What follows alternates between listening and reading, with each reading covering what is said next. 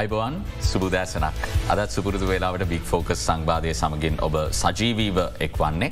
ඔබ දන්නා සතියේ එක්දිනකදී හෝ අපි බික් ෆෝකස් සංවාදයේදී ලෝක දේශපාලනය ගැන කතාබහ කරන්නත් කාලය වෙන් කරන. බොහෝ දෙනෙක් මේ වන විට ලෝක දේශපාලනය හැසිරීම පිළිබඳව ඉතාම විශාල අවධානයකින් සිටින බව මුදින්ම පෙනෙන්න්නට තිබෙන නිසා. ඒ පිළිබඳ වන තොරතුරු අධ්‍යනය කරන්න ඒ සම්බන්ධයෙන් වන ප්‍රෘති නරබන්න විශාල උනන්දුවක් මේ වන විට සමාජයේ තිබෙන බව හොඳින්ම පැහැදිලි වන නිසා. ඔබගේ ඒ තොරතුරු පිපාසයට අපි මේ විදිහට අපේ උපකාරය කරන්නට නිරන්තරයෙන්ම කටයුතු කරනවා. කොහොමුණත් අපි අද විශේෂයෙන්ම කතාබා කරන්න සූදානමින් සිරින්නේ පසුගිය සතිය තුළ ලෝක දේශපාලනය සිදුවච්ච සුවිශේෂී සිදුවීම් කිහිපයක් සම්බන්ධයෙන්ම. බ්‍රික් සමුළුව ගැන සාකච්ඡා කරදදි ගලෝබල් ඇංගල් තුළිනුත් අපි නිරන්තරෙන්ම කතා කර බ්‍රික් සමුළුව ලෝකයට සහ ලෝකයේ පවතින බල තුලනයට කොයි තරම් වැදගත් බලපෑමක් කෙල්ල කරන සමුළුවක්ද කියලා. එතනින් පටන්ගන්න සූදානම් අද සංවාධය කතා කරන්න ආචාරය සරත් අමුණු ගම මහත්මයට ඇරයුම් කළේ අයිබන් කියලා ආචාරතුමා පිළිගන්න. බ්‍රික් සංවිධානයේ සමුළුව මෙවර ලෝකේ බොහෝ දෙනෙක්ගේ අවධානය දිනාගත්තා ආචාරිතුමනේ පුටින් සහභාගවනෙත් නෑ දකුණු අප්‍රිකාවේදී තිබ්බ නිසා. ඔබ දකින විදිට මෙවර සමුළුව සාර්ථකයිද මෙවර සමුළුවේ ඔවුන් ගත්ත තීන්දු තීරණ මේ ලෝකය අපි ප්‍රාර්ථනා කරන වෙනස්කම්වලට ලක් කරන්න හොඳ ප්‍රවේශයක් විදිට ඔබ දකිනවාද. ඕ මංහිතනවා ඉතාම සාර්ථක සමුළුවක් ඒවාගේම ඓතිහාසික සමුළුවක්. කරුණු හතරක් මට ඉස්මතු කරන්න පුළුවන් කලෙදු. පළවෙනි කාරණාව තමයි දැන් බ්‍රික්ස් එක පස් දෙනාන හිටියේ ඒක දැන් විස්සයි විසි හතර ඉඳං දහයක් බවට පරිවර්තනය. ඉගොලු තීරණය කරා තව රටවල් පහක් එකාසු කරගන්න. මොනෝ දෙරටවල් ආජන්ටීනාව ඉතිෝපියාව ඉරානය සෞඩිය රේබියාව UA සහයි ජිප්තුව සහයි ජිප්තු පහයි. ඒ ඒ පහ ගන්නවා කියන්නේ මේක තියෙන ස්වරූපය වඩාත් පලල් වගේ වඩාත් ප්‍රබල වෙනවා.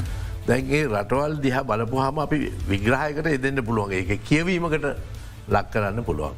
ගොද ඉස්සල්ලාම පේන දේ තමයි තෙල් නිපදවන සහ තෙල් පිටරටවල් වලට විකුණන මර්මස්ථාන කීපයක්ව මේකට ඇතුළ ඇතිෙනවා. ඉස්සල්ලාම සෞඩිය අරේපියාව. ඉගවට ඉරානය. ඊගාවට ඊජිප්තුව.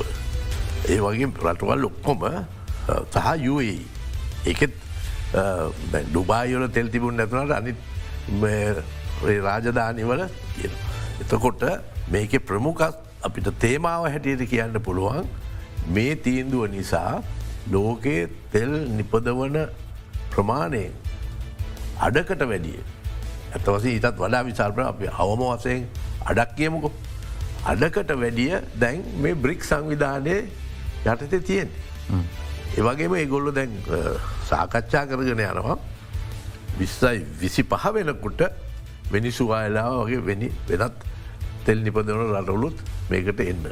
එතකොට මේකෙන් අද ජාත්‍යන්තරව තියෙන ප්‍රධානම ප්‍රශ්නය බලශක්ති ප්‍රශ්නය මොනමොන කදුරට බැඳුනත් මොනමොන දේශපාලන මතිපතාන්ත්‍ර තිබුණත් මොනමොන යුද සැලසුම් තිබුණත් අවසානය මේ බලශක්ති තමයි ප්‍රධාන සාධකය. දැන් ඉතාම සූක්ෂම ලෙස මට කියන පුරන් චීනය තමයි මේක මුල් වෙලා කරේ. ඒගොල්ලො මේ බලශක්ති අන්සය ප්‍රබල කරගෙන තියෙන. එතකොට අපි ගත්තොත් චීනය ඉන්දියාව ඒ වගේ රටවල් වලට මේ බලශක්ති කොටිපගෙන තෙල් ඒ වගේම යුරෝපයට යුරෝපයේ තෙල් නිපද වන්නේ නෑනේ ප්‍රන්සිත් නෑ ජර්මණයත් නෑ එංගලන්තෙ ටිකත් තියෙනවල නොදන් සී කියල නමුත් මදි. ඉතින් මේ ප්‍රශ්නයට විශාල පෙරලියක් කරන්න පුළුවන් තීන්දුවක් තමයි මේක. එන්ද දැන් අනිවාරෙන් බ්‍රික්ස් අයත් ඔපෙක් එකෙත් තින්නවානේ ඔව එතකොට ඒගොල්ල ඔපෙක් එකේ තීන්දුවලටත් බල පෑම සාමෝයක බලපෑමක් කරන්න පුළුවන්. එතකොට දැ මේක පේන්න මේක එන්ඩ එන්නම ප්‍රබල වෙන බලපෑම් කියන්නේ ඉස්සර දේශපාලන සන්ධාන තිබුණ දැ අපි ගම්මු අපේ රටේ තිබුණ නොන්න ලයින් කියල තිබුණ නොබැදි සමුළුව දැන් නොවැදි කණ්ඩායමේ ඒ වගේ ආර්ථික පදනමක් නෑ. එගොල දේශපාලන එකමුතුවක්. නමුත් මේක ඊට වඩා ප්‍රබලයි ආර්ථිකය මුල් කරගත් සංවිධානයක්. ඒකැන් මර්මස්ථාන තෙල් මුල් කරගත් එකක් ඒද එක පලවෙනිදේ. දෙවැනි දේ තමයි මේ බ්‍රික්ස් බෑංක ගැනකුළු සාකච්ඡා කර. කියන්නේ අලුත් බැංකුවක් කොටිම කියනවනන්ද විචාරකයෝ කියන්නේ මේක එලින්ම ලෝක බැංකුවට සහ එම එකට තර්ජනයක් වෙන්න පුළුවන් ආයතනය ආයතනයක් තර්ජනයක් නො අඩුගාන තර්ගකාරී ආයතනයක්. ගොද අපි දන්නවා දැ බටහිර සම්පූර්ණ බලය ඩොලර එකේ බලයත් නිරූපණය වුණේ අයිF එක සහ ලෝක බැංකුව තුළින්නේ වොෂිංටන් කොන්සන්සස් කියල තිබෙන අපි ඔන්න එක තවටිය පස්සදා කච්චා කරන්න පුළුවන්. ඉතිං ඒකට දැන් අඩිතාලම දාගෙන යනවා ඒකත් එක තර්ග කරන්න පුළුවන් බැංකුවක් හදන්න. ති මේක විශාල අභියෝගයක් ඒවාගේම විශාල ප්‍රයත්නයක් එක දෙවෙනි එක. තුන්වෙනි කාරණාවට පේන මේ කරන්සි ප්‍රශ්නය දැන්යි බැංකුවත් එක්කම සම්බන්ධ වෙනවා කරන්සි. ඒ කියන්න අර අපි මෙතෙක් කල් අපි කීපවතාක්ම සාකච්ඡා කරම ඩොලරේ තියෙන ආධිපත්‍යය. ආධිපත්තිය ඒකට තව පහරක් දැම් මේකෙන් වැදෙනවා. මොකද අපි එසල් කතා කරන පෙට්‍රෝ ඩොලර එක ගෝල් ස්ටෑන්ඩ එකෙන් අයුුණට පස්සේ ඩොලර එක සොතන්ත්‍රව ඉන්ඩ හිටියට පස ඒකත් අයගුණට පස්සේ එගොලන්ගේ ශක්තියාව පෙට්‍රෝ ඩොලර එක. මොකද ලෝකේම පෙට්‍රල් කැනෙක බලශක්ති තෙල් ඒවා ගන්න ඩොලර් පාවිච්චි කරන්න රුසියාව වෙන්න පුළුවන් වැනිසු වෙලා වෙන්න පුළුවන් ඇමරිකාව වෙනපුල කවුරු ගත්තත් ඒක ගන්න ඕන ඩොලර් රොලින්. එතකට දැම් මේක වෙනස් වනොත් ඒ ඩොලර එක ආධිපත්තියට විශාල බලපෑමක් ඇති වෙන පෙට්‍රෝ ඩොල කියන එක හු දෙනෙක් විචාරකව පෙට්‍රෝ යුවන් එකක් වෙන්නත් පුළුව කියලා. තනි තනි බලපෑම වෙනස් වෙන්න පුළුවන් ඒක වත් දුරදිග යන එකක්. අන්තිම හතරවෙනි කාරණ ඉගව කාරණාමන් දකින්නේ මේක දේශපාලන බලපෑම. දැන් මේක තුළට රුසියාව ඇවිල තියෙන චීනය ඇවිල තියෙනවා. එතකොට තෙල් රටවල් ප්‍රබල ඉරාණය ඇවිල්ල තියෙනවා. සෞධ අරේවය ඇවිල්ල තියෙනවා. ති මේවා තුළ අපිට පේනවා ඉතාම සූක්ෂම සහ දක්ෂ විදේශ ප්‍රතිපත්තිීන් ක්‍රියාත්මක වීම. අර අපිස සාකච්ඡා කරවයි කවුරුත් හිතුවෙන මේ කෙටි කාලයක් තුළ මාසායක් තුළ ඉරාණය සහ සෞධ අරභියාව සම්බන්ධ වෙලා එක මේසකට මේසතයි කියලා. එක තානාපති කාර්යාලය ඇති කරයි කියලා තෙල් ගැන කතා කරයි කියලා. මේක විශාල බටහිට විශාල පහරක්. මේකොරුද ගොල හැම වෙලාම එගොල්ලන්ගේ පදනම වනේ එකක් ඉරාණය තනි කරනේ. අනිත් එක ඉස්්‍රේලය රැක ගැනීම. දැන් මේ මුළු කතාවම සැගවුණ අමුත්තාවගේ තියෙන්නේ ඉස්්‍රේලේ දන්න ඉස්්‍රේලේ මේක ගැන බොහෝම Uh, සීරියස්ලි ගණන් ගන්න ඇති බොහොම බොහොම තීක්ෂණ විදිියත් දැන් මේක තියෙන uh, uh, ආදීනව ඒගොල්ලො කල්පනා කරනවා ඇති. එන්ද මේක ඇත්තවසයෙන් දීර්ඝ කාලීනව විදේශ ප්‍රතිපත්තිය තුළින් ඇමරිකාවේ පදනමට ගහපු එල්ල කරපු පහරක් වෙනවා අනිවාරයෙන්. දෙවයි කාරණ පහ තමයි අපට ඉක්වනටම කතාගල්පුර බ්‍රික්ස එක ගැන්න. ආචරිතුමනි දැන් බටහිරට ඒවිදියට දැවන්ත බලපෑම කෙල්ල වෙද්දි මෙවර බ්‍රික් සමුළුවේදී ගත්ත තීන්දු තීරණ සම්බන්ධයෙන් ඔවුන්ගේ පාර්ශවය බටහිර මාධ්‍ය ඇතැම් විට පල කරන වාර්තා වල දැක්වෙන්නේ මේ ඉන්දියාව ඇරෙන්න්න මේ බ්‍රික්ස් සංවිධානයේ සෙසු රටවල් වල ආර්ථිකයන් සියල්ලම කියන තරම් වර්ධනයක් අත්පත් කර ගැනමින් ඉන්න නැහැ මේ අවස්සා වෙද්දි. ඉන්දියාව පමණයි ප්‍රශස්ත ආර්ථික වර්ධන වේගයක් පවත්වාගෙන යන්නේ. චීනය පවාතියන්නේ මේ වෙද්දී අවගමන තත්ත්වයක්. ඒ නිසා මේ වගේ අවස්ථාවක බ්‍රික් සංවිධානය බොහෝ දෙන බලාපොරොත්තු වෙච්ච තරම් ප්‍රබල නැහැ කියලා.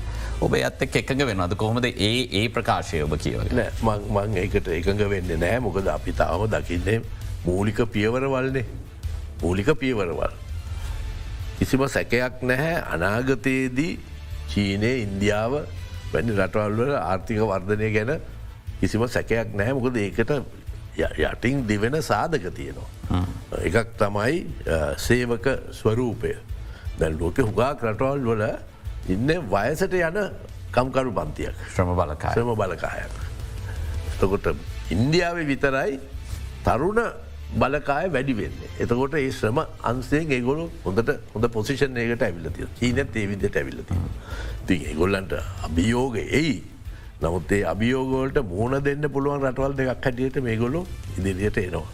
අනිත් එක අපි ගත්තහම දැන් සෞඩිය රේබියාව සෞඩිය රැබියාව කියන්නේ ඉතින් තෙල්ලතින් විශාල බලපෑමක් කරන්න පුළුවන් රටක්. නමුත් ඒගොල්ලො දැන් කියන්නේ අපි කල්තියා මේ තෙල් මතම ඉන් තෙල් කියන්නේ ඩිප්ලීටබල් රිසෝස එක කිය කවද හරිවර වෙන එක අපේ අනිවාර්යයෙන්. පරම්පරාව නෙවෙන්ඩ පුළුවන්. අපේ දරුවන්ගේ පරම්පරාව නෙවෙන්ඩ පුළුවන්. නමුත් කවද හරි මේක ඉවරයි. කුද පොලොව යට තියෙන වැවක් වගේ මේ තෙල් ඇදල ඇදල ඇරගත්තාම ඉවර ඩීඩ තියෙනවා. එතකොට ඒගොල ලෝකේ කනිජතෙල් භාවිතයෙන් නිවත්ව විවත්වමින් තියෙනවා විධ විධාග කරනයට ඒගොල්ල යන්න ඕන කියලා ඇත්ත වසෙන් දැ සෞද්‍ය අරභාවත් නායට සල්ලිගන්න රටක් බවට පත් වෙලා තියෙන. එද මේ හැම රටක්ම ඉදිරියට යන රටක්. දැ මේක ඇත්ත වසයෙන් දැම් අපි මේකත් එක සංසන්ධනය කරමන්න තවත් වැදගත් විදේශ දෙයක් තමයිද ඇමරිකාවේ මේ ප්‍රයිමරි පටන්ගන තියෙනවානේ ඩිබේටස් පටන්ගත්ත ගිය සුමානේ. බයිඩන් එන්නෙත් නෑ ට්‍රම්ප එන්නෙත් නෑ. ඩෙමොක්‍රටි පාටිය තව එහෙම සාකච්ඡාවත් කරලා නෑ රිපබ්ලිකන්ස්ලා රැස්වීම තිබ්බා. ඒකෙදි දැන් බයිඩන්ගේ තර්කය මේකයි අපිට බයිඩ්ගෙන මේ ට්‍රම්ප්ගේ රිපබ්ලිකන්ස්ලා හුඟ දෙනක තර්කය අපිට මේක මේ මැද පෙරදිග තෙල් මත යපෙන්ට බෑ රුසියානු තෙල් මත යුරපේත යපෙන්ටත් හොඳ නෑ. එගුල ෆ්‍රැකින් කියලා එගුල පොළොව යට ලොකු එක්ස්පලෝෂන් එක ලොකු පිපිරීම් ඇති කරලා තෙල් ගන්න පුළුවන් කියලන ඒ ඒගොල්ලො දැන්ගොයි ෆ්‍රකින් එකේදී උගාක්ම පරිසර වේදීන් එක්ක ලොකු ගැටුමක් ඇති කරනවා.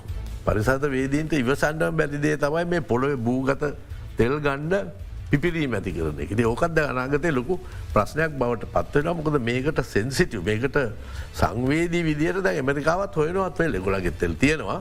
නමුත් මදි. කැනඩාවයි ඇමරිකාවයි.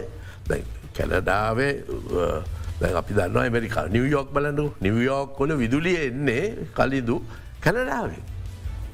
කැනඩාවෙන් මොකද ජලවිදුලිය තියෙනවානේ. ඒ ජලවිදුලිය නැවැතුනොත් නිවියෝක් කොල විදුලිය අන හිටින එක කතාවක් තිබුණ. එක කාලෙක කඩනාව ස්ට්‍රයිකත් තිබිලා සතිගානකට නිවියෝකොල්ට විදුලිය ආවෙනෑ ජනගහන ඉක්මංගුණ වැඩිුණ කියල තමයි දවසල දික වීලුව කියන්නේ. උනම දේගොල්ලත් එහෙම බැඳීමක් තියෙනවා. ති අපි එනකොට මේ භූගත සම්පත් ගැන අපිට මීට වඩා ගොඩාත් හිතන් වෙන ලංකාවට ගොඩක් හිතන්න වෙන අපේ සම්පත් මොනොද කියර දැන් අපි මේ කතා කරන්නේ මොනවද. අපි කිසිම සැලස්මක් හදල නෑ අපේ භූගත දේවල් මොනොද කියලා බලන්න. ඒවට උපරිම මිලක් ගන්න. අපි තාම කතාගන තෙල් රබල් පොල්. ඒවගෙන කතා කරනමසක් අපේ රටේ මේ භූගත සම්පත් අපිට ඔයකට බැරි වෙලා තියෙන නමුත් දැන් දැම් බලන අප පස කතා කරුම ගැබොන්. ගැබොන් එකෙත් ඔය නැවතවරක් මේ තෙල් ප්‍රශ්න. ගැබුණු තෙල් නිෂ්පාදන රට ඒගොල්ලො ගවතින ලිතියම් කියන ඔපෙක් සංවිධානය රට රට ලිතියම් උගක් කටවල්ල නෑ ඒක තමයි දැන් ඔය යුරේනියම් වගේම අවශ්‍ය වෙනවා ලිතියම්. නව නව කාර්මික විප්ලවයට. මෙතනම ගැබෝන් ගැටලුව නිරාකරණය කරගෙනක මයිතන් තෙල්වලට සම්බන්ධින්ද මංහිතන මෙතන ගැලපෙනව කියලා චරිතුවනි. ගැබෝන් ජනාධිපතිවරණය ප්‍රතිඵල එද්දිම තමයි හමුදාව නිවේදනය කරන්නේ අපි රටේ පාලනය අපි යටතට ගත්ත කියලා. යනු අලිබොංගු ජනාධිපතිවරයා දිනපු ජනාධිපතිවරණේ ප්‍රතිඵල අවලංගු කරනවා. මෙතන මොකක්ද වෙන්න? මේ හුද කලා සිද්ධියක් නෙමේ කියල තමයි අපිට පෙරෙන්න්නට තියෙන්නේ. මොකද ඔබතුමා කියනවාගේ බටහිරට සහ ලෝකේ අනිත්කඳවරට කියන දෙපාශවයටම ගැබෝන් නිතාම වැදගත් ඇන ගම වැදගත් රට. දැයි දැ ප්‍රන්ස පත්තරෝල කියන්නේ මේක කටේජයෙන් කියෙන වචන පාද එකැන බෝවෙන රෝගයක්.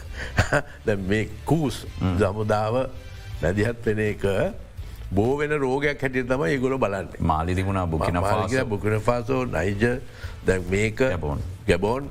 දැ සමහරු කියන ඒගවට සෙනගල් එකටත් බෝවයි කියලා. තර පහක්. ඒවදයන් දැ ගැබොන් එක එක මහමක් තමයි සෙන්ට්‍රල් ඇෆ්‍රිකන් රිපබ්ලික් ඒක දැන්ටමත්තියක් ආධිපත්යක් වගේ තියෙන තැනක්. එහැ තියෙන කොංගු. තව මහිමත් තමයි කොංගු. කොංගු කියන්නේ අප්‍රිකාවම රිසෝස් රිච් වැඩියම සම්පත් තියෙන රට. නමුත් අර විදියට ඒ සම්පත් එක පන්තියක්. ඒ රටවල්වල පන්තියක්. තමට දේශපාලන පන්තියක් මේක පවිච්චි කරලා ඒගොල්ල පෝසත් වෙනවා රට පෝසත් වෙන්න නෑ. දැ බොංගුගේ කතාව අවුරුදු පනස් සයක් එක පවුලක්. තමයි මේ ගැබොන් රට පාලනය කළ. ඉතිස්සල හිටියා එයා ඇවිලා ඕමාර් බොංගු. අවුදු පනස් ගාන දැ මෙයාගේ පුතා අලි බොංගු.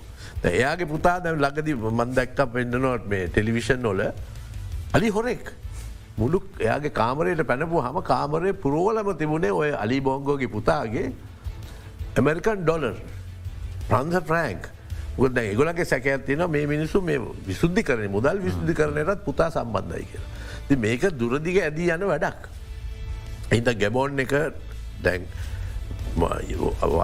විචාරකයව කියන විදිහට මේ වෙලාවේ ඉස්සරවාගේ ඇමරිකාව කෙලින්ම මැදිහත් වෙන්ඩ කැමති තැනක් නෙම ඉතිස්සල්ල ගුණ ලයිබීරියාවලදි මැදිහත් වුණන. මේ සැරි මැදිහත් නොවර ඉකෝවාස් එක. ඉකනොමික් කමිෂන් එක මුල් කරගෙන ගාන නයිජීරය. ඒදකොල්ල මුල් කරගෙන තමයි මේ සටනක් දෙනවනන් දෙන්න හදන්නේ. ඒගොල්ල ඉස්සරහට දාලා මේ ජනතාවගේ ආශිර්වාදයක් බොහවිට මේ හමුදා කැරලිවලට තියෙනවගේ තම පෙනට තියෙන මේ රටාවල. එහම විතර ඇත්ත කතාව ඒ ප්‍රජාතන්ත්‍රවාදය කියලා කිව්වට ඒකත් අපිට ගැමුරට නිර්වචනය කරන්න ඕන. ඒ ප්‍රජාතන්ත්‍රවාදය නිකං පලිහක් විතරයි. මේ රටනාමිකව නාමිකව තියෙන්නේ. පුළුවන් තරන් ඒ කණ්ඩායම ඇතුළේ දැන් එතන ප්‍රශ්නය තියෙන්නේ මේක හරි වැදගත් දෙයක්. ඒ රටවල් වල මේ දූෂණය මැඩ පවත්තන්න බෑ චන්දකින් මොකද චන්දදායකය මෝඩයි. රටවල් වල මොට ඇති මන්දන්න දූෂණයට කෙලින්ම ඒ චන්දදායකයෝ ඇවිල්ලා ඒ සටන දෙන්නේ නෑ. එතකොට වෙන්නේ ඒ රටේ උගත් කොටස් සහ යුද්ධ හමුදාව එකහුවෙන තමයි දූෂණය මැඩ පවත්තන්න. අන්න ඒ වගේ ප්‍රවණතාව ඇතිනද මේ රටවල් පහේම පේන්ඩ තියෙන්නේ ඒ ගොල්ල කියන්නේ දැන් අතිරාජ්‍යවාදීන් කියන් මේක චන්දයක් තියලා ඇවිල්ලා අරවයි මේකයි කියලා කියනවා. නමුත් ඇත්ත වසයෙන් ඒ පාලනය කරන අය දූෂිතයි. සහ චන්දයක් දූෂිතයි කියල් චන්දයක් දූෂිත කරන විදේශය මැතිවරණ නිරීක්ෂකයන්ට පවා එන්න දුන්නේ නැහැ කම්පුුණෙන් ඒකයි. එයින්ද ඔය අප්‍රිකානු චන්ද කියන එක ඇත්ත වසෙන් කවුරුත් ලොකුවට ගණන් ගන්න දෙයක් නෙවෙයි. ඉතින් ඒ ප්‍රශ්නයක් තියෙනවා.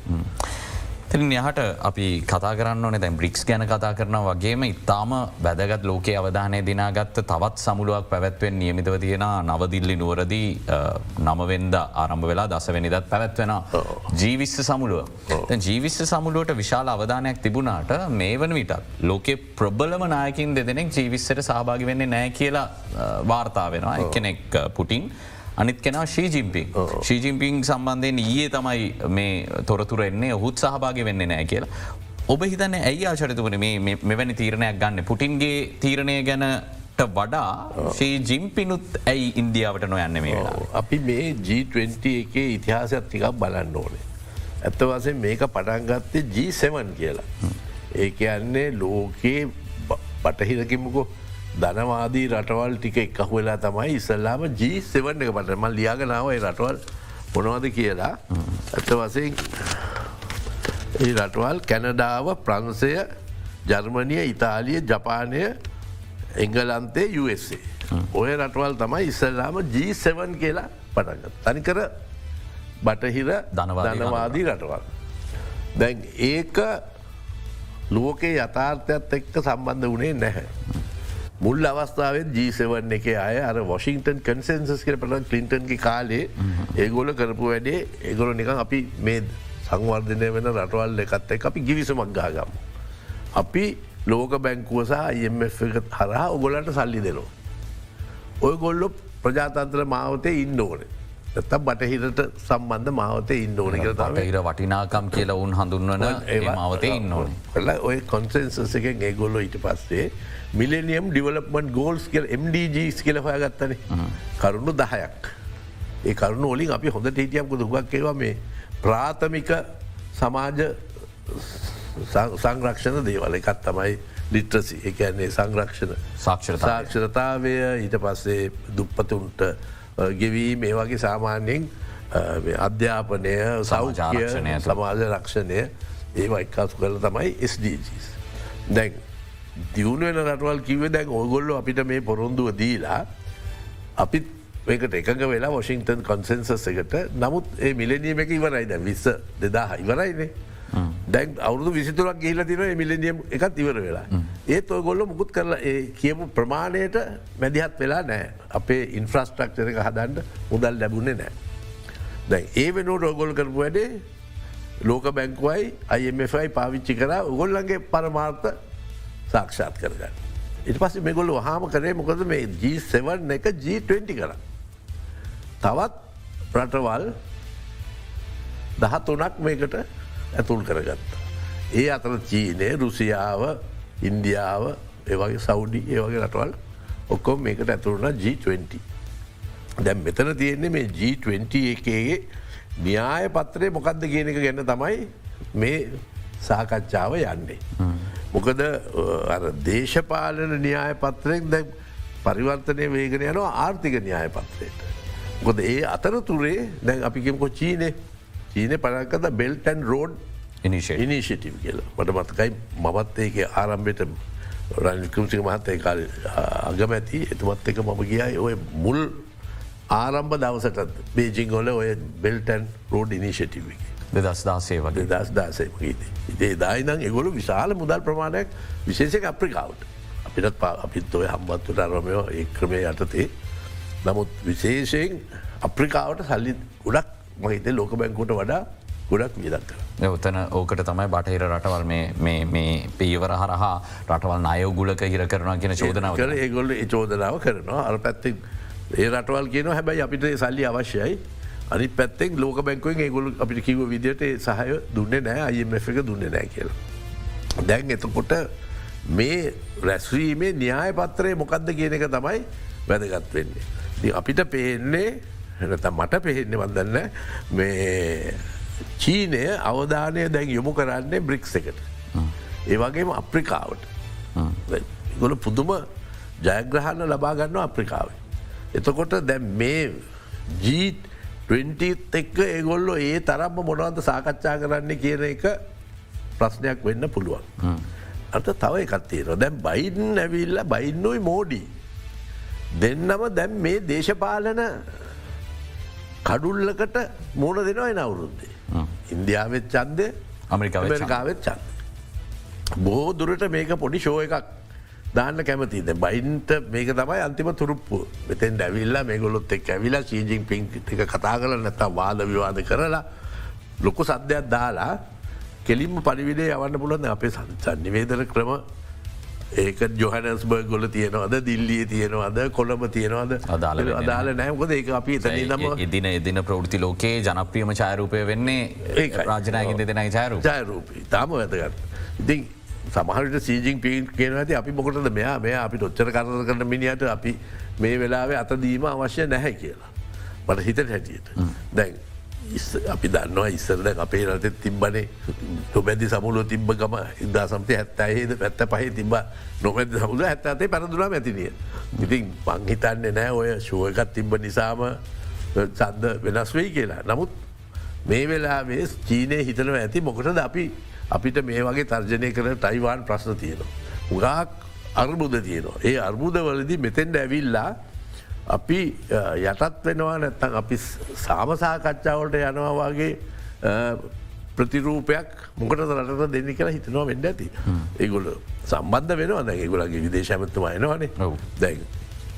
රුසියාවත් ලැබරෝ් වෙනවා ඒගොලගේ මේ අගමැත්තුමයනවා කියල තින අගමැත්තුම ඕ චීනය අගමැත්තුමා එනවාතකුට ඒ ශීජික් පෙන් ඇතුරට දෙවනි යෝජනය තියෙනවා. ඒ එකක්. අනිත්තක සමාරයට ඒකත් අපිත් මේ වෙලාවේ උපකල්පනය කරන දෙයක්. සීජිං පිනුත් දැන් ඒ රටය මවෝවාගේ උච්චස්ථානය ඉඳගෙන අනිත් අය හසුරුවන තත්වකට එන්න පුළුවන්. එයාගේ එයාගේ ශෞෂය පෞරුෂය පෙන්නල තියෙනවා. එහිද මේස ඉදං එකක් කරත් එක කතා කරනවට වඩා මවෝවාගේ විශාල ජාත්‍යන්ත්‍ර චර්තයක් වෙන්න සීජිං පින් පහසුවෙන් හමුවෙන්න නොයිත මේ නායක වෙන්න පුළුවන් මොක දැකත් රුසියාවුනත් එයාගේ ආධිපත්තිය විදිකින් පිළි අරගන්න තියෙනවානේ රුසියාවුනත් දැන් කියන අපිත් එක්ක මේ චීනය ඉන්නවා දැන් ඔය මන් බැලුව ඩිබේට් එක මේ රිපබ්ලිකන් ඩිබේට් එක එක කොටසක් ඔය රාමසාමි විවේක් රාමසාමි එයා දැන් සංඛ්‍යාලයකන ඒට යන ්‍රම්ප එක තර්ග කරන්න බෑ නමුත් ඇ රිසල්ස්ටික වැඩි.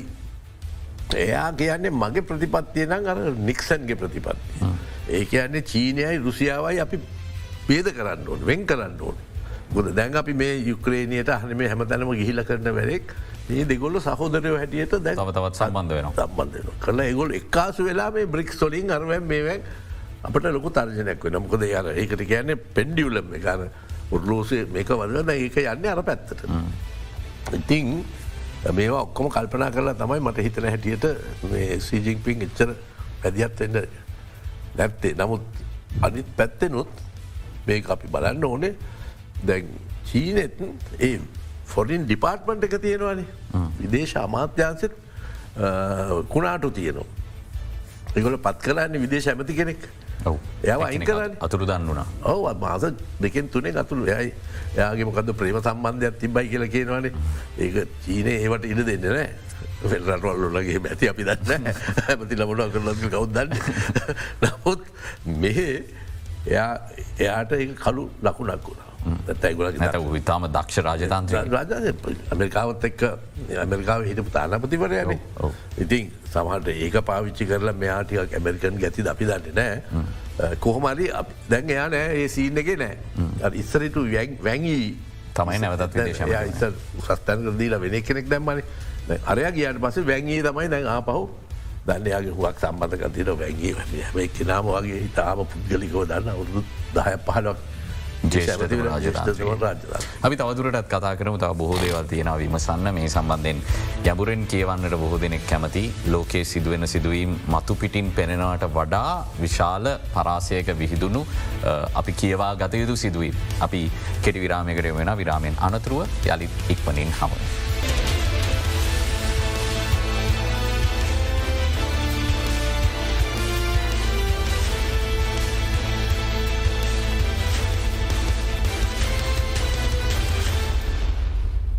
යළිත් බික් ෆෝකස් සමගින් ආචාරය සරත් අමරුගම මහත්ම ඇතක සාකච්ඡා කරමින් සිටින්නේ ලෝක දේශපාලනය පිළිබඳව අද දිනේ අපි ආචරිතුමනි දැන් අපි දැක් බීජිං වෙත අමරිකානු නියෝජිතන් කිහිප දෙනෙක්ම මේ පසුගේ මාස තුනාරම් බැලුවට පස්සේ සංචාරය කලා එහිදී සාකච්ඡා පැවැත්තුව. විශේෂෙන්ම මේ සංචාරවලදී සාධනීය ප්‍රතිඵල අත්පත් කර ගත්තා කියලා ඊට පසේ දවල මන්දිරය නිවේදනය කරනවා. නමුත් ඉන් පස්සේ ජෝ බයිඩන් ඔහුගේ දේශීය මැතිවරණ යාන්ත්‍රණය මෙහවද්දී පක්ෂයට අරමුදල් රැස් කරන සාකච්ඡාවලදී. චීනය ප්‍රකෝප කරන ප්‍රකාශ සිදු කරන අපි දුටුවා. විශේෂෙන්ම චීනය පත්තුවීමට නියමිතව තියෙන කාල බෝම්භයක් කියලා ඔහු කිව්වා. එට පස ශීජීම්පින් ඒ අධිපතියෙක් බවට ඔහු රිජුව ප්‍රකාශ කර මේ පරස්පර විදේශ ප්‍රතිපත්තිය මොකක්ද? මේ අවස්ථාවේ ජෝ බයිඩන් මේ සම්බන්ධයෙන් සිදු කරන්නේ සවිඤ්ඥානිකවද නැත්ත ඒ පිළිබඳව ප්‍රශ්නයක් කෙනවා. ඇත්ත වසයෙන්ම දැන් බයිඩන් හැදවා ඔය දැන් G20 එක වගේම චීනට යන්න සංචාරයකට යන්ඩ. නමුත් ඒකට පසුබිම සකස් කරන්න බැරි වුණා. මොකද කිසිම සැකයක් නෑ චීනයට ප්‍රධාන ප්‍රශ්නය තියෙන තයිවාන්. තයිවාන් ගැන ගන්න තීන්දුව අනුව තමයි චීනය අනිත් ප්‍රශ්න බලන්න. තයිවානය චන්දයක් ලං වෙනවා දැන්. එතනත් ලොකු උනන්දුවත් තියනවා. ජනවාරයේදී තියෙන් ජනවල් තියෙනවා. සමහරු කියනවා ඒ කණ්ඩායමක් ඕක ඇතුළේ ඉන්නවා චීනයට ඔයිට වඩා හිතවාදීව සංවාදයකට දෙන්න පුළුවන් පක්ෂකුත් චන්දයට එනවයි විශේෂන් ෆොක්ස්කොන් හිමිකරු ශන්දයට එනවා කියලා ඔහු ප්‍රකාශ කල තින ඔහු කියන්නෙම චීනයත් එක් හොඳ සබඳතාව තියන්න ඕන කියලා ඒ කෝමනත් ඒක මාතෘකාවක් වෙනවා මේ ටයිවාන් චන්දෙත්. නමුත් ඒකට හෙට්ටු කරන්න බැරි ප්‍රශ්නයක් මේ ටයිවාන් ප්‍රශ්නය. දැන් ඇමරිකාව බලපු හම ඩෙමොක්‍රටික් පාටීකේ අය තමයි හුගාක්ම මේක අවුල් කරේ මේක ඇවිස්සුවේ. ඉස්සල්ලාම නැන්සි පෙලෝසි ඉන්නවනේ නැන්සි පෙලෝසි තමයි ඇමරිකාවේ ඩෙමොක්‍රටික් පක්ෂය නිකං ලොකු සංකේතයක් වගේ හිටිය අවුරුදු ගානකයා සභාවේ සෙනත් සභාව සභාපති. තිං එයා එපාගේ අද එහෙට ගියා. මේ ළඟදිත් මගේ හිතේ එක එගොලගේ නියෝජිතයෙක් තයිවාන් නොල්ට ගියා. එතකොට චීනය තාම දැඩි පීවරක් ගත්ත ඒ වගේ ඒගොලු කැමතිනෑ. ඒ වගේම ඒ ගමනත් එක්කම ටයිවාන් ස්ට්‍රේට්ස් තියෙනවානේ මුහද තියෙනවා අහස තියෙනවා. ඒ හැම එකක් ගැනම චීනය ඉගොල්ලන්ගේ තියෙන මිලිටරි යුද්ධමය තත්ත්ව පැහැදිලි කරා. එක මේක ලේසි වැඩක් නෙමෙයි කියන එක ඉතාම පැහැදිලිව කිව්. ඒකෙන් ගොඩක්ම බැවුණේ ජපානය මොකද උතන ප්‍රශ්නයක් කවත් ජපානය සහ කොරියාවන මේකට මුණ දෙන්න වෙන්නේ. මොකද එතුවට ඇමරිකාවට දැ ඊට පස අපට පෙන බයින් ගියානේ. බයින් කොරිය දකුණු කොරියාවට ගිය. ඉතින් ඒගොල්ලො හදන්නේ ජපානයයි කොරියාවයි ඔස්ට්‍රේලියාවයි ඒ සන්ධානයක් අල්ලගෙන මේ චීනයත් එක මේ තරගට යන්න. නමුත් මට පෙනෙනවා රිපබ්ලිකන් පක්ෂය ඒ මතය සියයට සියක් දරන්න නැති පාටට. ඒගොල්ල හදන්න ඒගොල්ල ඇමරිකාවට මුල් කරගෙන ආර්ථික තරගයක් දෙන්න. චීනයයි ඇමරිකාවයි අතර සංකීර්ණ ආර්ථික සම්බන්ධතාවයක් තියෙන්නේ. මොකද දැන් අර මැනිෆෙක්ච කරන ඔය පාටස් කොම්පියුට පාට් සරව මේවා හදන්න ටයිවාන් Microchips. මයිකරචිප් හදන්න ටයිවාන් ප්‍රධාන තැනක්නේ රිපබ්ලිකන්ස්ලා කියන්නේ අපේ අපේ කර්මාන්තය අපි දියුණු කරගන්න ඕනේ. ට්‍රම්ප් විශාල වැඩ සටහනක් පටන් ගත්තර ඒගොලගේ රට ඇතුළත මේ මයිකරෝචිප්ස් හදන්න. එහෙම නැත්තන් ඒගොලට හිතවත් නමුද චීනයේ සඳහා අවශ්‍ය වන අමුද්‍රව්‍ය අපනෑනය කරන එක නවත්තල්ති නොමරික නවතර ලොකු යුද්ධයක් තියෙනවා. ලොක යුද්ධයක් තියෙන ආර්ථික ආර්ථික සටනක්. ඉතින් මේ වෙලාවේ බයිඩන් කරන්නේ දැන් එයා යට යන්න බැරි වුණාම ඊට පස්සේ ටෝනි බ්ලිංකන් එවන්ටද කියලව ඒත් බැකිව පස්සේ එක හදාගත්තා. ඇන්තනි බ්ලිංක ඇතනි බ්ලිංකන් සෙකට්‍රිය ස්ටේට් එයා එන්න හපම බැකිව. ඊට පස්සේ යෙලන් මිසිස් යෙලන් තමයි මේ ඇමරිකන් ෆෙඩරල් බෑග් එකේ එත් එක්ක හොඳ සාකච්ඡාවත් තිබුණම්කොද ජනටේලන්ස යෙල නැවිල්ල උගා කාලයක්ම පක් මගේතේ ආවේ කලින්ටන්ගේ කාලතුව දිගටම යා බැංකුවේ අධිපති බොහොම මේ සාධාරණ විදියට අනිත්තා ඇත එක සංසන්ධනය කරපම සාපේක්ෂව. සාපේක්ෂව. ඉසර අපිටත් එක ලංකාවත කත්තුන සම්බා මටවතකයි ම ඉසර ලෝක බැංකුවේ රැසි මෝල්ට යනකොට ඇත අයම් යනට අපිට කතා කරලා කිය නොදැන් අපේ අපි අපේ ඉන්ට්‍රස්රේටස් වැඩි කරන්න යනවා ගොලට ප්‍රශ්නයක් වෙන ගොලුත් මේක කල්පනා කරන කරි කරන කළ වගේ බොහොම සානුකම්පිතව අපි වැඩ කරා. යෙලන් එක් හොඳ සාකච්ඡාවත් තිබුණ. මොකද ඇත්තවස මේ ඒගොල්ලොත් යුවන් එක එකයි ඩොලර එකයි අතර ඒක සීරියස්ලි ගණන් ගන්නව නිකං මේක සෙල්ලමක් හැටියට ගන්න බෑන. ඉති එක පැත්තකින් මේ බ්‍රික්ස්ලාවාගේ වැඩ කරන යනකොට අරගොල්ලොත් අභ්‍යන්තර දැනට විශාල විදල් ප්‍රමාණයක් යුවන් නොල්ට යන්න ඇතුට චීනයට අයිති ඩොලර් තියෙන ඇමරිකාව. බටහිර තියනවා. ඒවත් ඒගොල සංරක්ෂණය කරගන්න ඕනේ. ඉතින් මේ සාකච්ඡා යනවා. එතකොට මේ තල දෙක යන්න එකක් දේශපාලන තලය යන අනිත්තක ආර්ථික තලය යනු. මේ ඩිමොක්ටටික් පාක්ෂිකින් රැස් වෙන තැන්වල බයිඩන් මෙවැනි ප්‍රකාශ සිදු කරන්නේ ඩිමොක්ටටික් පාක්ෂිකයන් ඒ ඒ මතවාදය ජනප්‍රිය මතවාදයක් විදිට පිළිගන්න නිසාදාචාර දුවන මොකද අපි බෝවිට දකින්න පක්ෂ හමුවලදී තමයි චීනයට දැඩි ලෙස පහර එයා එයා ඒ කෙරුවට මංහිතන්න එයත් ඇත්ත වසේ කර ඔය නියෝකොන් අයගේ හිරකරුවෙක්. බයිඩන් දීර්ඝ කාලයක් එයා හිටිය ෆොරින් රිලේෂන්ස් කොමිටේ කියන හිටිය. බයිඩන් නැවිල්ල එයා හිතනවා. ඇත්තසේ බඳන්න ඇත්වසෙන් එය මානසිකෝ ඒ තත්වයට පුළුවන්ද කිය නමුත් එයා හිතන්න එයා විදේශ කටයුතු ගැන එයා එක්ස්පර්ට් කෙනෙක් කියලා. ඒ හැම දේට පැගිලි ගහනවා.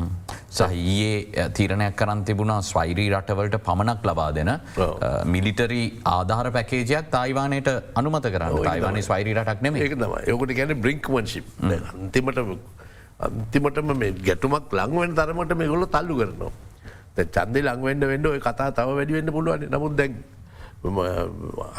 රිපබ්ලිකන් ඒ තරගයට පස්සේ විවාදයට පස්සේ පෝල් එකෙන් පෙල්ලක සියට හැටක්ද කොහෙදෝ එමරිකන් කාරය කොමුණත් රිපබ්ලිකන් කාරයෝ නං මේ යුක්‍රේන් සටට කැමති නෑ. යුක්‍රේනල අප අයිවෙන්ඩ ඕනේ කියන මතේ තමයි ඉන්න තිබර බයින්ටත් එතර ලේසි වෙන්නෑ මේ යුදමය තත්ත්වය ගෙනියන්න. තව එක හේතුවක් තියෙන්න්න පුළුවන්. මොකද මේ යුද උපකරණ අරම කරනකොට තමන්ගේ යුද කර්මාන්තවලට වාසයක් ති මේ ගොල්ලගේ බයින් නාවේ ආර්ථිකය දියුණු කරන්න. යටික කරලා තියෙනවා නෑ කියන්න බෑ. ඉති ඒකත් සාධකයක් වෙන්න පුළුවන්. අපි යුද්ධය ගැනත් කතා කරමු. විශේෂම රුසියන් යුක්්‍රේණ යුද්ධය. ඒවගේම රුසියාව තුළට දිගින් දිගටම යුක්්‍රේණය ප්‍රහාර එල්ල කිරීම. මේ මොන දිශානතියටද යුද්ධය යන්නේ? මේ සියල්ල ගැන කතා කරන්න පුලන් කෙටි විරාමයක් ලබා දෙන්න. ඉක්මනින්ම හමුණ.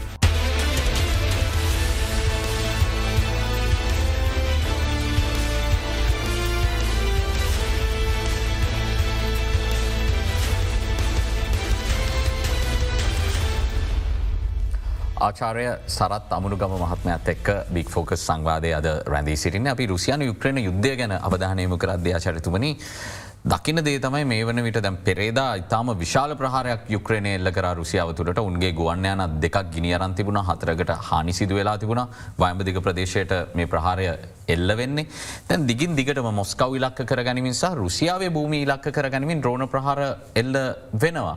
තැන් රුසියාව මුලින් කිව්වේ මේ දිගින් දිගටම සිදුවෙනවා නම් න්‍යෂ්ටික ප්‍රහාරයකින් හරි යුක්්‍රණයට පිළිතුරු දෙනවා කියලා. මුදැන් සමට මේ ගැන උනන්දුවෙන් ඉන්න සාමාන්‍ය ජනතාව පව ප්‍රශ්න කරනවා ඇයි රුසියාව මෙචර ඉවසන්න? ඔය කියන තරම් විශාල යුද්ධ බලයක් තියෙන රුසියාව දිගින් දිගටම රට තුළට ප්‍රහාරෙල්ල වෙද්දී ඇයි මෙහම ඉවසනවා වෙනන්නේ. මේක මේක මගේ ති හොඟ දෙනෙකුට ප්‍රශ්නයක්. දැන් මෙතන වෙලා තියෙන්නේ දැන් අර ස්පරිං ඔෆෙන්සිව එක පටන් ගත්තනේ. බටහිර බලපෑමට සෙලෙන්ස්කි පටන් ගත්තා ඔෆෙන්සිව ඒක සම්පූර්ණයම අසාර්ථක වුණා. දැන් ඒගොල්ලන්ට මොකක් හරි විකල්පයක් හොයාගන්න එපාය. දැන් අවසාන විකල්පය වෙන්නේ සාකච්ඡාව. මේක දැකරගන්න බැරිනොත් යුද්ධ මුදාව නැත්තං දැම්මන් දැක්ක වාර්තාවලදී සමහරු කෙනවා එක් ලක්ෂ පනස් දාහකට වැඩිය යුක්‍රේරියන් සොල්දාදුව මැරිලා තියෙනවා කිය. සමහර කර ඉතත් වැඩි කියනමක දෙකුල දැන් ද්‍රෝණෝලින් මිනී වලවල් ගණන් කරන තත්වයකට දද තාක්ෂණය දියුණු වෙලා තියෙන. ද්‍රෝණය තුළින් කියන පුලන් කොච්චර මිනිවල්වල් හද කොහෙද මැරණ අරමය. ඉතිං දැන් මේ ගොල්ලන්ට මොකක් හරි අවසාන තුරුම්පුවක් ගහන්ඩ වෙලා තියෙන්නේ. ඒ තුරුම්පුව තමයි ලෝකය ඉදිරියේ රුසියාව නිකං සෞත්තු කරන විදිිය වැඩ. ද්‍රෝණ ප්‍රහාර පුළුවන් තරන් අර රශයන් බයා ඒ වලහ කොනිත්තනව හරින් මෙයින් හැම තැනම නොවත් ඒක ලොකු ප්‍රචාරයක් එනවා. ඉතින් මට පේන්නේ මේක සමහර විට සාකච්ඡා කරන්න ඉස්සල දැ රුසියාවටත් දැ එක මහා ඉම්බැරස්ම මහා අනිවාරෙන් අනිවාර්ම ප්‍රශ්නයක්නේ. ලෝකෙම ලජ්ජාවක්. ලජ්ජාවක් බවට ලජ්ජාව බටපත් වෙලාන්නේ අන්තේ පූටින්ටත් එහෙම ප්‍රශ්න. ගොද මේගොල්ල ප්‍රහාර එල්ල කරන වෙලාවේ ඔය ප්‍රගෝෂන්ගේ ප්‍රශ්නෙත් සංකීර්ණ ප්‍රශ්නයක්නේ. දැන් ප්‍රගෝෂන් ඇවිල්ලා රුසියානු යුද්ධ හමුදාවේ තියෙන කරණයක්ෂමතාවය පෙන්නවා. ගොද ඒක ලොකු යුද්ධ හමුදාවක් කිවට ඒක ලොකු බියරෝක්‍රසය ලොකු නිලධාරි තන්ත්‍රයක්. ඉහල ඉන්න මිනිස්සු අමාරුවෙන් අමාරුවෙන් ඇවිල්ලා මේක බොහොම තමන්ගේ බලය ගැන කතා කරන මිසක් කර සටට ගැන කතා කරන්න ලෝක හැම යුද්ධම දාවටම ඕක වෙනවා. දැම් බෙතර කියන්නේ සොරොෆ්කින් සොරොෆ්කන් කියන ජනරාල්වරයා තමයි ඇත්ත වසයෙන් අර ඔය ස්පරිං ඔෆෙන්සිව එක නවත්ත ගන්න සම්පූර්ණ උපක්‍රම යෙදුවේ. දැන් එයයි ප්‍රගෝෂන් අතර සම්බත් තිම්බයි කර ද සොරෝකනුත් අතුරු දක් වෙලා. පිවටින් දන්නවා යුද්ධ හමුදාවේ ලොක්ක ඇවිල්ලා ශූගේ ද කවුදු කෙනෙක් කෙනල් ඒවාගේම ජෙරසිමෝ් ජෙරෝසිමෝ තමයි යගේ ප්‍රධාන යුද උපදේශක. එතොකොට මේ දෙන්නත් එක්ක තරහ වෙන්න බෑන පියවටින්ට ඒ නිල යුද හමුදාවතය තරනු දෙයට ගෙදර යන්න වෙන. රුසියාවේ බලය වෙනස් වෙන්නේ යුද හමුදාව තීරණය කරන විදිහට. ඉතින් අවසාන වසයෙන් ප්‍රගෝෂීන් එක්කත් මේ ගැටුම ඇතිවුණ හම මරිතේ පුටින්ට සිද්ධ වුණා යුද්ධ හමුදාවත් එක්ක හොඳින් ඉන්න. නැත්තක එයාගේ තන්තුර බව නැති වෙන්න පුළුවන් ඒත සොරෝකින්ද ගයින් කරලා. ඉතින් මේ ප්‍රශ්නත් ඇති ඒක ඇතුළත. ඉතිං සමහර විට ඔය කියන තරම්ම ශක්තිමත් නොවී ඉන්ටෙලිජන්ස් එන වෙලාවේ අරගොල්ලු තවත් මෙයාව ලජ්ජා කරන්න මේ වැඩේ කරනවද එම්බැස් කරනවාගේ තමයි මට පෙනෙන්නේ නමුත් මේක වැරදුනොත් ඊට පස සාකච්ඡාවට යන්න සිද්ධ වෙනගොල. රුසියාව මේ තමන්ගේ රට තුළට එල්ල කරන ප්‍රහාරවලට මීට වඩා දැඩි ප්‍රහාරයක් එල්ල කරන එකක් නැද්ද ආචාරතුමන හිතන මට අපිට හිතන්න පුළුවන් දන්න ඇතිවුණට ලෝක නෂ්ටික යුද්ධකට යන්න හිතන්න අමාරුයිනේ. මොකද ඉස්සර තිබුණ ඩොක්ට ඒගොල්ලගේ දර්ශනය ඉස්සල්ල ක්‍රියාත්මක වෙන්න නෑ කියරන්නේ ඉස්සල්ලාම බෝම්බෙ දාන්න නෑ. වැඩියෙන්ම සමාජවාදී රටවල් වල ගත්ත එක තීරණයක් තමයි අපි කීල කවද දස්ටික බෝම්බයක් මුලට දාන්න. අපිට ගැවුත් අපි ගහන එක වෙනම කතාවක්. නමුත් අපි ෆස්ට් ඇටැක කරන්න නෑ කියල. ද ඒකත් තමට ප්‍රශ්නයක්. ලෝක අපවාදයක් වෙනවාන. පලවෙනි වතාවට. දැන් ජපානයට දැම්ම. මොකොද මේ කහමිනිසි ගොල්ලො සුදු මිනිස්සුයි කහමිනිසු අතරන සටරක් හැටිට පෙන්වේ පර්ල්හාබ එක නැති වුණනේ. ඒකටන ගිල්ල බෝම දැම්ම. නමුත් ඒගොල්ලු කවදා ජර්මණයට ගිහිල බෝම දැම්ම නෑන එයිද දස්ටික යුදයට යනවා ගැන ලේසි වැඩක් නෙමේ ඉහාසේම අපවාදයට යන්න පුළුවන්. දයත් අර්ජනය කරාට ඕපන්හයිම චිත්‍රපටේ බොහෝ දෙන එක තියෙන එක තියෙනවාන. අනිතක යුරෝපය ඔක්කොම බිල්ටප් සිටිස් විශාල නග දැන් කියව් කියන්නේ විශාලම නගරයක්නේ. යුරෝපය තියෙන ලොකුම නගරයක්. ඒ වගේකට කියලම් නොස්ටික බොම්බයක් දාන ගැන්න ඉතින් මානව ඉතිහාසයම ගන්න තීරණාත්මක එකක්. යනු එවැනි දෙයක් සිදුවීම එතරම් අපේක්ෂිත තත්වයක නෙමේ තියෙන්නේ කියන එක තම පැහදිලි විශේෂෙන්ම සමාජවාද ඇත රුසියාවගේ ඉතිහ අඩුගන සමාජවාද ඉතිහාසයක් තියෙන කියලා පුළුවන්ද නස්ටික බෝම්බයක් දාන්න වෙන රටකට. ආචරතුම දැන් ප්‍රිකෝෂීන්ගේ ප්‍රශ්නය බොහෝ විට දැන් බොහෝ කුමන්ත්‍රණ සම්බන්ධෙන් විවිධ අදහස් තියෙන ලෝකේ බොහෝ දෙනෙක් විධ දේවල් කියන කොහොමද ප්‍රිකෝෂීන් මේ විදිර මියගේ ආන්දෝලනාත්මක සිදුවීම මාලාවකට පස්සෙ කියලා. නමුත් ප්‍රධාන ප්‍රශ්ද අප්‍රිකාවේ මෙහෙවුම්බල මේ වන විටත් වැක්න බලකාඉන්න.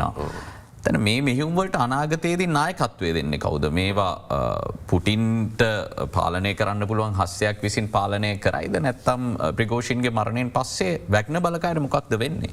දැන් ප්‍රගෝෂන් ඉන්න කාලෙත් රුසියාවේ මතය පැහදිලිනේ එකන මේ ගොල්ල දැන් ඇවිල්ල රුසියන් හමුදාවට බැඳෙන් ඕට. හමුදාවම එක වෙනම කාණ්ඩ අනු කාණ්ඩයක් වෙන්න පුළුවන්. නමුත් ඒගොල්ලෝ රුසියන් අර අර නිලතන්ත්‍රයේ ආධිපතියට යටත් වෙන්න ඕන. දැන් ප්‍රගෝෂීන්ගේ තරහ තිබුණේ මේ නිලතාන්ත්‍රයත් එක්කනේ එයා ඉල්ලපු වෙලාවට යුද මකරණ දුන්නේ නෑ. එයා ඉල් වෙලාට ඔය අවි ආයුද දුන්නේ නෑ. එයා ඉල්ලපු වෙලාවට ප්‍රහාරය ගහන්න ඇති කරලා දාන්නම ඉඩ දුන්නේ නෑ කියලා ඔහු බොහොම ආවේග ආවේග ශීලිව විශේෂ මන්තගේ වගේ කණ්ඩායකොල් තමන්ගේ නැති වෙනවන මේ නිසා. ඒ මතිවට එක කණ්ඩායමක් රුසියානු වැරද්දෙක් ඇවිල්ල ප්‍රගෝෂන්ගේ මිනිසුන්ට බෝම්බදාහ එතරත් මැරලගේ ඉතින් ආවේග සීලි තත්වයක් ඇති වුණ. පිටින්ටත් කරන්න දෙයක් නෑ පිටින්ටත් වෙලා තියෙන්නේ මංහිතන හැටියට. එයාට දැ යුද්ධ මුදාවතක හැපෙන්න්න බෑ. රටක් මිලිටරි තත්වයකට උච්චස්ථානයට ගෙනාවට පස්සේ එක පාට ගීල් හැපෙන්න්න බෑන. දැන් එයත් හෙමින් හෙමින් අර යුද්ධ හමුදාවේ බලයට අවනත වෙන තත්වයක් වගේ තියෙන්නේ. ඉතින් ඒක හොඳ පැත්තත් තින නර්ග පැත්තත් තියෙනවා. නර්ක පැත්ත තමයි එයත් එයත් එතෝට අස්ථාවර වෙනවා. අපි අද ලෝක දේශපාලනය ගැන අවධානය මුකරේ ආචාරය සරත් අමනුගම් මහත්මය අද අපේ සංවාදයට එකතුනේ තුවන් නිරන්තරයම අපිත් එක සම්බන්ධ වෙන මේ පවතින භූදේශපාලනික වාතාවරණය පිළිබඳව ඔබට තොරතුරු කියන්න. බෙවින්ම සූතියන්තයන ආචරිතවනි බොහෝ දෙනෙක් විශාල උනන්දුවක් තියෙනවා පෙරටත් වඩා මේ වන විට ලෝකයේ පවතින රේටිං සුග හොද අනිවර බොහෝ දෙනෙක් නරබල තිබුණ. වෙන වැඩ සටහන්වලට වගේම විශාල උනන්දුවක් ලෝක දේශපාලනය ගැන තිබෙන බව පේන ගලෝබල් ඇංගල් සඳහා ලැබෙන ප්‍රතිචාර වලිනුත් එය ඉතාම පැහැදිලි. අපි ඒ සමගින් අදට බික්‍ෆෝග සංවාධයෙන් සමුගන්නට සූදානම සිටින එටත් අපි සූදානම් ඉතාම් වැදගත් මාතෘකාවක් එක්ක ඔබ හමුවෙන් සුපදින්න.